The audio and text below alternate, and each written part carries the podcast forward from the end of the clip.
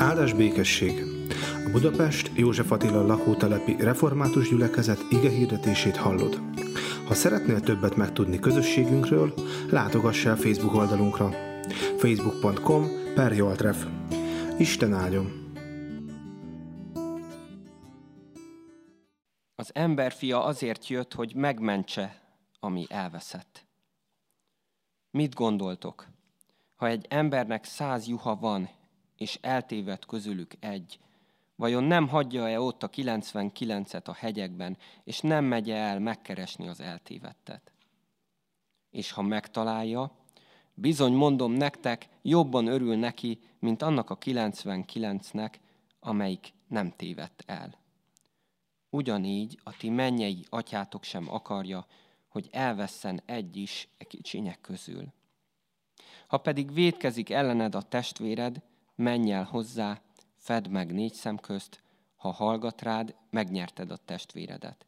Ha pedig nem hallgat rád, védj magad mellé még egy vagy két embert, vagy két vagy három tanú, hogy két vagy három tanú szava erősítsen meg minden vallomást. Ha nem hallgat rájuk, mondd meg a gyülekezetnek. Ha pedig a gyülekezetre sem hallgat, tekintsd olyannak, mint a pogányt vagy a vámszedőt. Bizony mondom nektek, amit megköttök a földön, kötve lesz a mennyben is, amit pedig feloldotok a földön, oldva lesz a mennyben is. Bizony mondom nektek az is, hogy ha közületek ketten egyetértenek a földön mindabban, amit kérnek, azt mind megadja nekik az én mennyei atyám. Mert ahol ketten vagy hárman összegyűlnek az én nevemben, ott vagyok közöttük.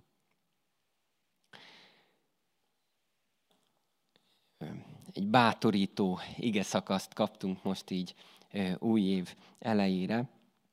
Az evangélium szólal meg rögtön itt a, az elején. Isten jön, amikor mi elveszünk. Nem tudom, hogy kinek van ilyen élménye, akár gyerekkori élmény, akár már felnőttként, amikor rá volt bízva egy gyermek, vagy a saját gyermeke kapcsán, hogy egy mondjuk egy nagy bevásárló központban a sorok között úgy nem találtuk a, a helyünket, vagy nem találtuk éppen a, a gyermekünket. Nem tudtuk, hogy, hogy, hogy hol is van. Volt-e ilyen el, elveszés, volt-e ilyen aztán megtalálás, rácsodálkozás. Az Isten jön, és ő emlékeztet bennünket, hogy, hogy ő bennünket is megkeresett. Ő eljött, nemrég ünnepeltük ezt karácsonykor, az első karácsonykor eljött Jézus Krisztusban azért, hogy, hogy minket megváltson, hogy üdvösséget szerezzen, hogy elvegye a mi terheinket, a mi hibáinkat, bűneinket, elveszett voltunkat, és visszakapcsoljon, vissza térítsen bennünket magához. Emlékeztet bennünket az Isten ma is arra a pillanatra, amikor mi is épp nagyon elveszettek voltunk, és ki tudtuk mondani, hogy elveszett vagyok, Uram, gyere, segíts rajtam. Amikor ö, megtértünk, amikor letettük a, az életünket Isten elé, ő emlékeztet ö, bennünket erre, hogy, hogy hogyan keresett meg, hogy hogyan ö, talált meg bennünket, hogyan mentett meg. De bátorít ez az ige szakasz bennünket most is, hogy ugyanúgy, ahogy egykor eljött értünk, ugyanúgy jön ma is, most is. Minden egyes alkalommal, amikor mi eltévedünk, vagy úgy elkóricálunk egy kicsit a, hát talán saját magunk feje után, vagy mások után, ő emlékeztet bennünket, és bátorít arra, hogy ő jön, hogy ő most is velünk akar lenni, és szeretne velünk kapcsolódni, bennünket hazavezetni. És felhívja a figyelmünket egyben arra is, hogy ő utána akar menni annak az embernek is, annak az elveszettnek, akiről mi talán már lemondtunk. És mi azt mondtuk, hogy ő már ö, elveszett. Mi azt szeretnénk, hogy az Isten mindig csak velünk foglalkozzon, hogy mindig legyen ott velünk, akiket már összegyűjtött, akik már hozzá tartozunk, jó itt lenni veletek együtt az év kezdetén, és megtapasztalni azt, hogy itt van az Isten közöttünk, milyen jó lenne, hogyha, hogyha sokat tudnánk így együtt lenni. De azt olvassuk itt az ige szakaszban, hogy ahogy a pásztor elhagyja a 99 nyáját, azért bárányát, hogy azt az egyet megkeresse, ugyanígy olykor nem hozzánk jön az Isten, hanem megy azokhoz, akik, akik elveszettek. Amikor Jézus azt kérdezi, hogyha egy ember elveszíti egy juhát, akkor nem hagyja el ott a 99 másikat. Hát abban az időben, és szerintem egyébként ugyanígy ma is, a legtöbben azt válaszolnák, hogy hát nem, nem hagyja ott azt a 99, de hogy hagyja ott. Hát sajnálja biztos azt, hogy elveszett egy báránykája, de hát a 99-ért nem kockáztatja, vagyis az egyért nem kockáztatja azt a 99-et. A 99 mégiscsak több, mint az az egy. És noha nem ezen van a hangsúly, hogy a 99-et ott hagyja, de mégis vállalja ezt a kockázatot, és kell látnunk, hogy vállalja ezt a kockázatot. Isten megmentő akciója mindig kockázatvállaló. Amikor az első karácsonykor Jézus a földre jött, az élete, Isten élete rögtön veszélybe került. Gondoljunk csak bele, hogy Heródes hogy tör az ő életére, hogy próbálja eltenni a lábalól a konkurenciát, a másik, a most született királyt. És később is, amikor Jézus felnő és megmutatkozik, hogy kicsoda ő valójában, mindig voltak csodálói is, de mindig voltak olyanok, akik ellenségesen viselkedtek vele, akik nem értették, akik azt akarták, hogy, hogy eltűnjön az élők sorából.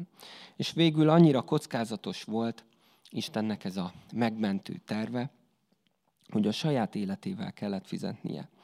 Jézus pedig tudta ezt. Tudta, hogy, hogy ilyen kockázatot kell vállalnia, és mégis vállalta azt, hogy utánunk, elveszettek után jöjjön. Miért?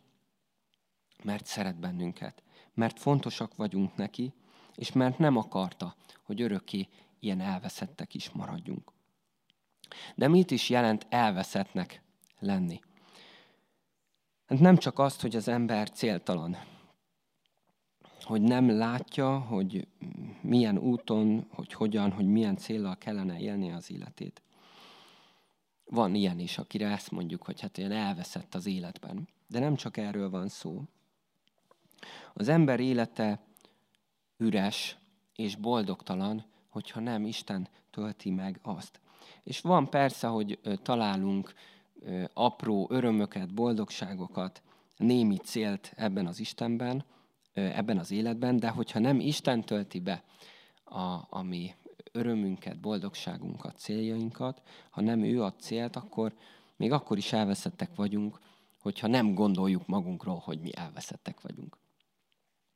A Csillagpont Református Fesztiválon nyáron volt egy kis színdarab, ami nagyon megmaradt az emlékezetemben. Van egy ember, egy telefonhívásról van itt szó, aki felhívja a Talály Rám központot. Ez az ember egy erdőben sétál, egyedül, mert hogy az a turista csoport, akikkel ment, ők nagyon idegesítették őt, egy kis magányra vágyott, egy kis csendre, hogy ne szóljon hozzá senki, hogy ne lihegjen senki a nyakába, hogy ne taposson senki a sarkára. És hát itt az erdőben felhívja az egyik barátját, elmeséli, hogy mi történt vele, és hogy most itt sétál ebben, a, ebben az erdőben, a csillag erdőben, ez volt a neve. A barátja pedig elmondja, hogy hát pont most hallotta a hírekben, hogy a csillagerdőben elveszett egy férfi, hát akkor keresse már meg ezt, a, ezt az embert. És emberünk úgy föl, lelkesül, hogy hát tényleg, akkor majd ő fogja megkeresni, hát itt van, egyébként sincs semmi dolga, akkor megkeresi. És hát elkezd kiabálni, ha-hó, merre, merre vagy elveszett, aztán így gondolkozik, hát ne így hívja már, úgyhogy fölhívja ezt a, ezt a központot, a Találj rám központot, és megkérdezi, hogy hogy milyen embert kell keresnie, hogy valami személy leírást adjanak már róla, hogy hogy néz ki, mi a, mi a neve, és ahogy sorolják az embernek a tulajdonságait, hogy hogy néz ki, végül nagy nehezen emberünk ráismer saját magára. Ő az, aki elveszett, és akit jelentettek a turista csoportból, hogy hát elveszett ez az ember, noha ő egyáltalán nem így gondolkozott saját magáról. Hát, hogyha nem találunk rá Istenre, vagyis fordítva, hogyha Isten nem talál ránk, akkor ugyanúgy mi is elveszettek vagyunk, még akkor is, hogyha mi úgy egész jól meg vagyunk a magunk is erdejében.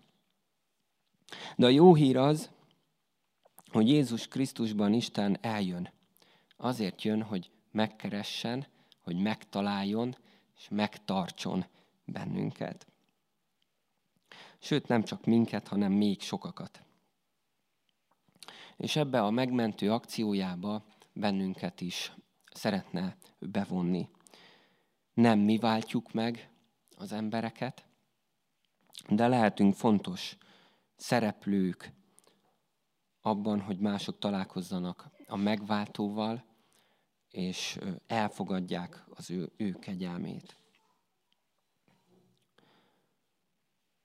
De a köve, ahogy olvassuk itt később, itt nem valami nagy missziós parancsot ad itt Jézus, nem az evangelizálás fontosságáról beszél itt, hanem a konfliktuskezelésről. A bűn tisztázásáról, a megbocsátásról és a bocsánatkérésről beszél. Ahogyan Isten megbocsát nekünk, úgy kellene, kell, kellene hogy mi is megbocsássunk másoknak.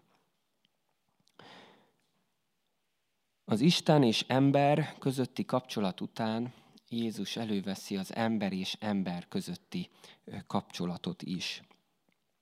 És az az alap, és Jézus ezt nem titkolja, az az alap, hogy konfliktus az van.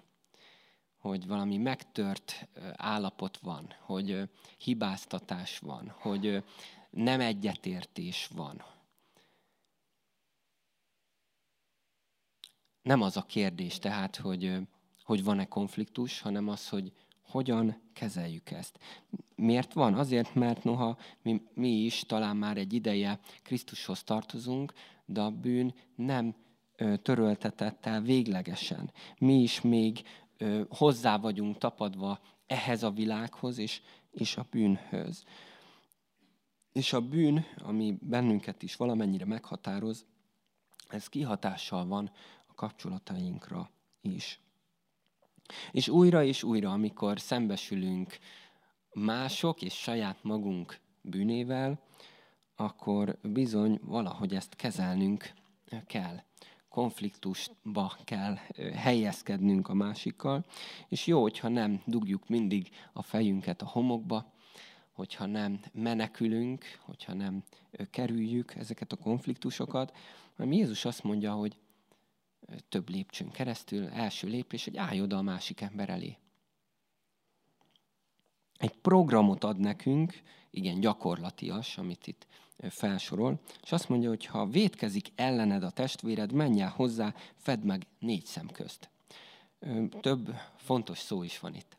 Hogyha vétkezik ellened a te testvéred. Nem a másik ellen, akkor gyorsan menj oda és mondd meg neki, hogy ez nem volt szép, a, hanem ha ellened. Ne akarjunk mindig, persze van erre is kivétel jó, hogyha a, az elnyomottak mellé állunk, de hogyha bennünket valami bánt, hogyha bennünket valami sért, akkor menjünk oda a másikhoz. De ne avatkozzunk bele mindig másoknak a dolgába.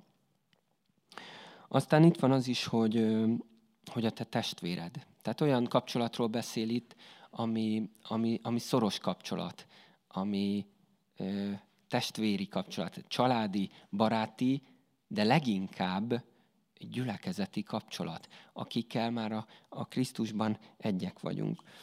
Leginkább ö, rájuk vonatkozik ez a, e, ez a felszólítás. És azt mondja, menj el hozzá. Nem máshoz menj, ne másnak panaszkodj, hogy mi történt veled, hanem vele próbáld meg tisztázni a dolgot, méghozzá négy szem közt. És a legjobb, hogyha tényleg elmegyünk a másik, hogy, hogyha személyesen találkozunk vele. A mai modern világban már könnyebb az ágyunkból egy üzenetet küldeni a másiknak, akár röviden, akár jó hosszan, hogy el, kitárjuk előtte a szívünket, összeszedjük gondolatainkat, és azt el, elküldjük de mégsem az írásos kommunikáció a legmegfelelőbb. Nem tudjuk, hogy a másik éppen milyen hangulatban van, hogy milyen hangsúlyjal olvassa azokat a sorokat. Még jobb, hogyha felhívjuk, vagy videócsetelünk, de a legjobb az az, amikor személyesen tudunk a másikkal beszélni. Nem lehetetlen üzenetben kibékülni a másikkal, de a tapasztalatunk, szerintem közös tapasztalatunk az, hogy nagyon sokszor ez nem így működik.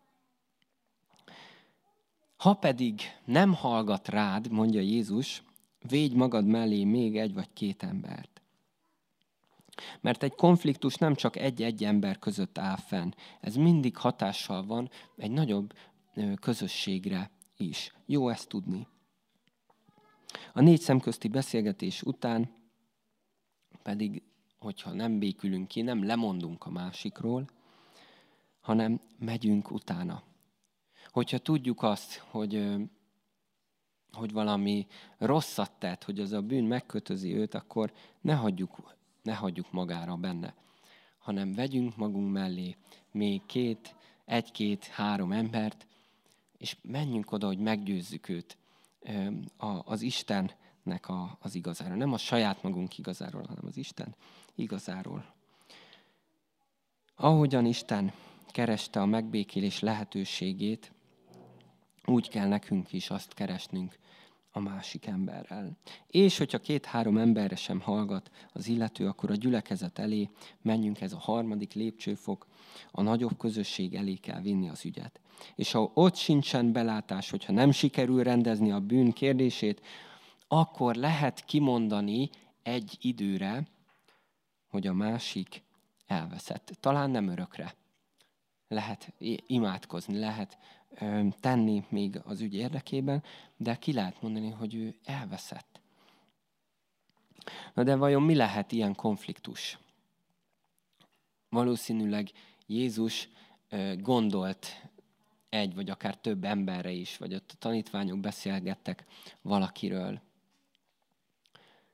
De az a jó, hogy, hogy Jézus nem egy konkrét ö, ö, esetet mond itt nekünk, azt mondja, hogy ez bármi, bármi lehet, tényleg bármi. Olykor egyértelmű, hogy ki hibázott. Máskor nem. Néha mindkét félnek bocsánatot kell kérnie, és mindkettőnek megbocsátania. És a megbántás, a bűn problémája azért nehéz, mert mindig az ember identitását érinti. Ki vagyok én, hogy ezt velem megmerészelték tenni? Hogy így mertek beszélni? Hát mi rosszat tettem én? Vagy ha tettem is rosszat, arra van magyarázat. Én ártatlan vagyok. Miért viccelődnek velem? Azt gondolják, hogy ezt meg lehet tenni velem? Vagy miért hanyagolnak el engem? Tehát nem vagyok elég fontos a számukra. Mindig, amikor konfliktus van, akkor az az identitásunkat, a legmélyebb bensőnket érinti. De hiszem azt, hogy az, akinek az identitása el van rejtve az Istenben, az könnyebben bocsát meg. Mert tudja, hogy az Isten számára ő igenis fontos. Hogy bármit is tesznek vele mások, bárhogy is viselkednek vele, bármit is szólnak neki, nem ez határozza meg, hanem az, hogy kicsoda ő Jézus Krisztusban. De másrészt ez az ember nem csak könnyen megbocsát, hanem könnyebben kér bocsánatot is. Mert tudja, hogy ő nem tökéletes. Hogy Istenhez képest ő neki igenis vannak hibái. és szabad hibázni. Ez is egy felszabadító mondat lehet a számunkra. Nem mi vagyunk tökéletesek, hanem az Isten tökéletes, és Jézus Krisztus az, aki megváltott bennünket, és vezet a tökéletesség felé, és benne és általa válhatunk mi is tökéletessé, de szabad hibázni. Amikor hibázunk, akkor kimondhatjuk azt, hogy nem én vagyok tökéletes, hanem az Isten tökéletes. Hadd ragyogjon át a mi hibáinkon, a mi ö, tévedéseinken keresztül is az Isten dicsősége. És hogyha így ezt tesszük, akkor látni fogjuk a megbocsátásunkban, a bocsánat kérésünkben, hogy az Isten dicsősége tényleg növekedhet. Hogy a minden egyes alkalommal, amikor sikerül kibékülnünk valakivel, akkor ott valami jobb, valami több keletkezik. És tudom azt is, hogy nem mindig sikerül kibékülni. Ez is nagy örök tapasztalatunk. De ami rajtunk áll, azt tegyük meg. Kérjünk bocsánatot, még ha nem is fognak nekünk megbocsátani. És bocsássunk meg, még ha nem is kértek bocsánatot. Tudom, nem ez volt a válasz arra a kérdésre, hogy mire vágyunk erre az évre. Sok konfliktus, sok megbocsátás, sok bocsánatkérés, de mégis az Isten tud bennünk és körülöttünk kiformálni a békességet. Mert a kibékülés sem mindig jelenti azt, hogy a kapcsolat az tökéletesen helyreáll. A bizalmat mindig újra és újra kell építeni de dolgozhatunk ezen kemény munka, és mégis lehetséges, mert az Isten lehetségessé tette számunkra, amikor ő kibékített bennünket önmagával. És ez egy olyan cél, amit, ha megnéztek a Bibliáknak a hátulján, ott van a gyülekezetünknek is a cél kitűzései között. Egy olyan érték ez, amit szeretnénk mi is a magunkénak tudni hogy béketeremtő emberekké válhassunk, akik nem elmenekülnek a konfliktusok elől, hanem akik, hanem akik tesznek ezért. Úgyhogy én így vágyok ebben az évben arra, hogyha egymással is van valami problémánk, akkor, akkor tudjunk odaállni a másik elé, négy szem közt, nem, nem megalázva a másikat, hanem szeretettel, és a, a békességre törekedve, hogy, hogy a békesség ismét épp legyen közöttünk. És milyen jó ezt is megtapasztalni. Ezt is szerintem már többször volt alkalmunk átélni. Milyen jó megtapasztalni azt, amikor, amikor békesség van. Nem csak Isten és ember között, hanem két ember között is. Amikor nem biztos, hogy mindenben egyetértünk, de mégis nem széthúzás van, hanem, hanem egy cél. És, és tudunk egy lélekkel, egy szívvel menni a célok felé. Jézus azt mondja, ez az ígérete, hogy ő ott van, ő ott lesz velünk minden egyes alkalommal, amikor békesség van két vagy három ember között, hogyha egy akarattal imádkoznak, és ő bizony teljesíti a mi kéréseinket, hogyha az Istenben vagyunk, hogyha az Istennel vagyunk, hogyha az ő békességét szolgáljuk. Így legyen most is, ebben az egész évben, és örökkön, örökké. Ámen. Imádkozzunk.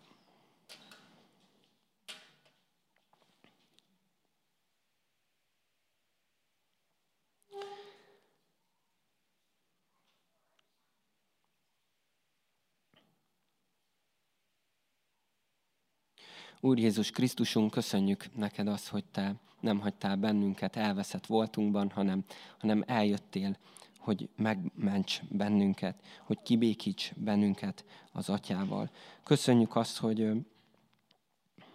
hogy ezt már sokszor megérthettük, átélhettük. Köszönjük, hogy, hogy kapcsolat lehet a kapcsolatban lehetünk veled, és köszönjük azt, hogy minden egyes alkalommal, amikor megszólítunk, akkor ezzel a reménységgel mehetünk eléd, hogy te hallgatsz bennünket, hogy te szeretsz bennünket, hogy te fontosnak tartasz bennünket. Kérünk, bocsáss meg nekünk mindazokat az alkalmakat, amikor nem sikerül a te utadon járni, amikor elveszünk, amikor elbújunk előled. Kérünk, hogy te ekkor is újra és újra keres meg bennünket.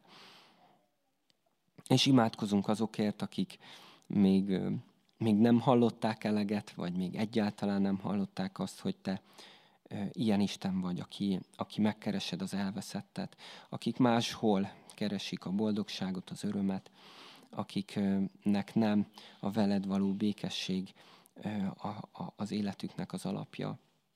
Kérünk, Urunk, hogy Te szólítsd meg ben, őket is, és ebben használj bennünket is. Kérünk, Urunk, azokért, akik sok konfliktus között élnek, és így kérünk saját magunkért is, hogy hogy tudjunk a békességnek a szolgáivá lenni, akik bizonyságot tesznek arról, hogy, hogy van lehetőség az újrakezdésre, hogy mindig van lehetőség arra, hogy a, a halott ügyek, a halott kapcsolatok megváltozzanak, felélénküljenek.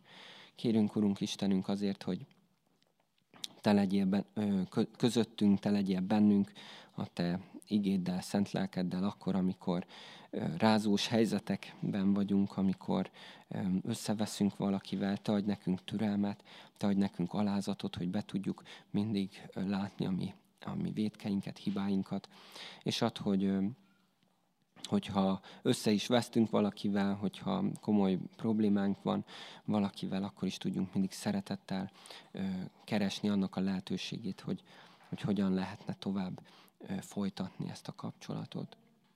Így kérünk a, a családjainkért, a munkahelyi kapcsolatainkért, a baráti kapcsolatainkért, és ugyanígy a gyülekezeti kapcsolatainkért. Te adj békességet ebben az egész országban és a világban. Kérünk, Istenünk, hogy Te formált ki a békét ott, ahol most háború van. És imádkozunk a betegekért, a szenvedőkért, azokért, akik gyászban vannak, élnek. Kérünk, hogy Te erősítsd őket, bátorítsd őket. És most mondjuk el közösen az Úr Jézustól tanult imádságot. Mi, atyánk, aki a mennyekben vagy, szenteltessék meg a te neved. Jöjjön el a te országod, legyen meg a te akaratod, amint a mennyben, úgy a földön is. Minden napi kenyerünket add meg nékünk ma, és bocsásd meg védkeinket, miképpen mi is megbocsátunk az ellenünk védkezőknek. És ne vigy minket kísértésbe, de szabadíts meg a gonosztól, mert tiéd az ország, a hatalom és a dicsőség mindörökké. Ámen.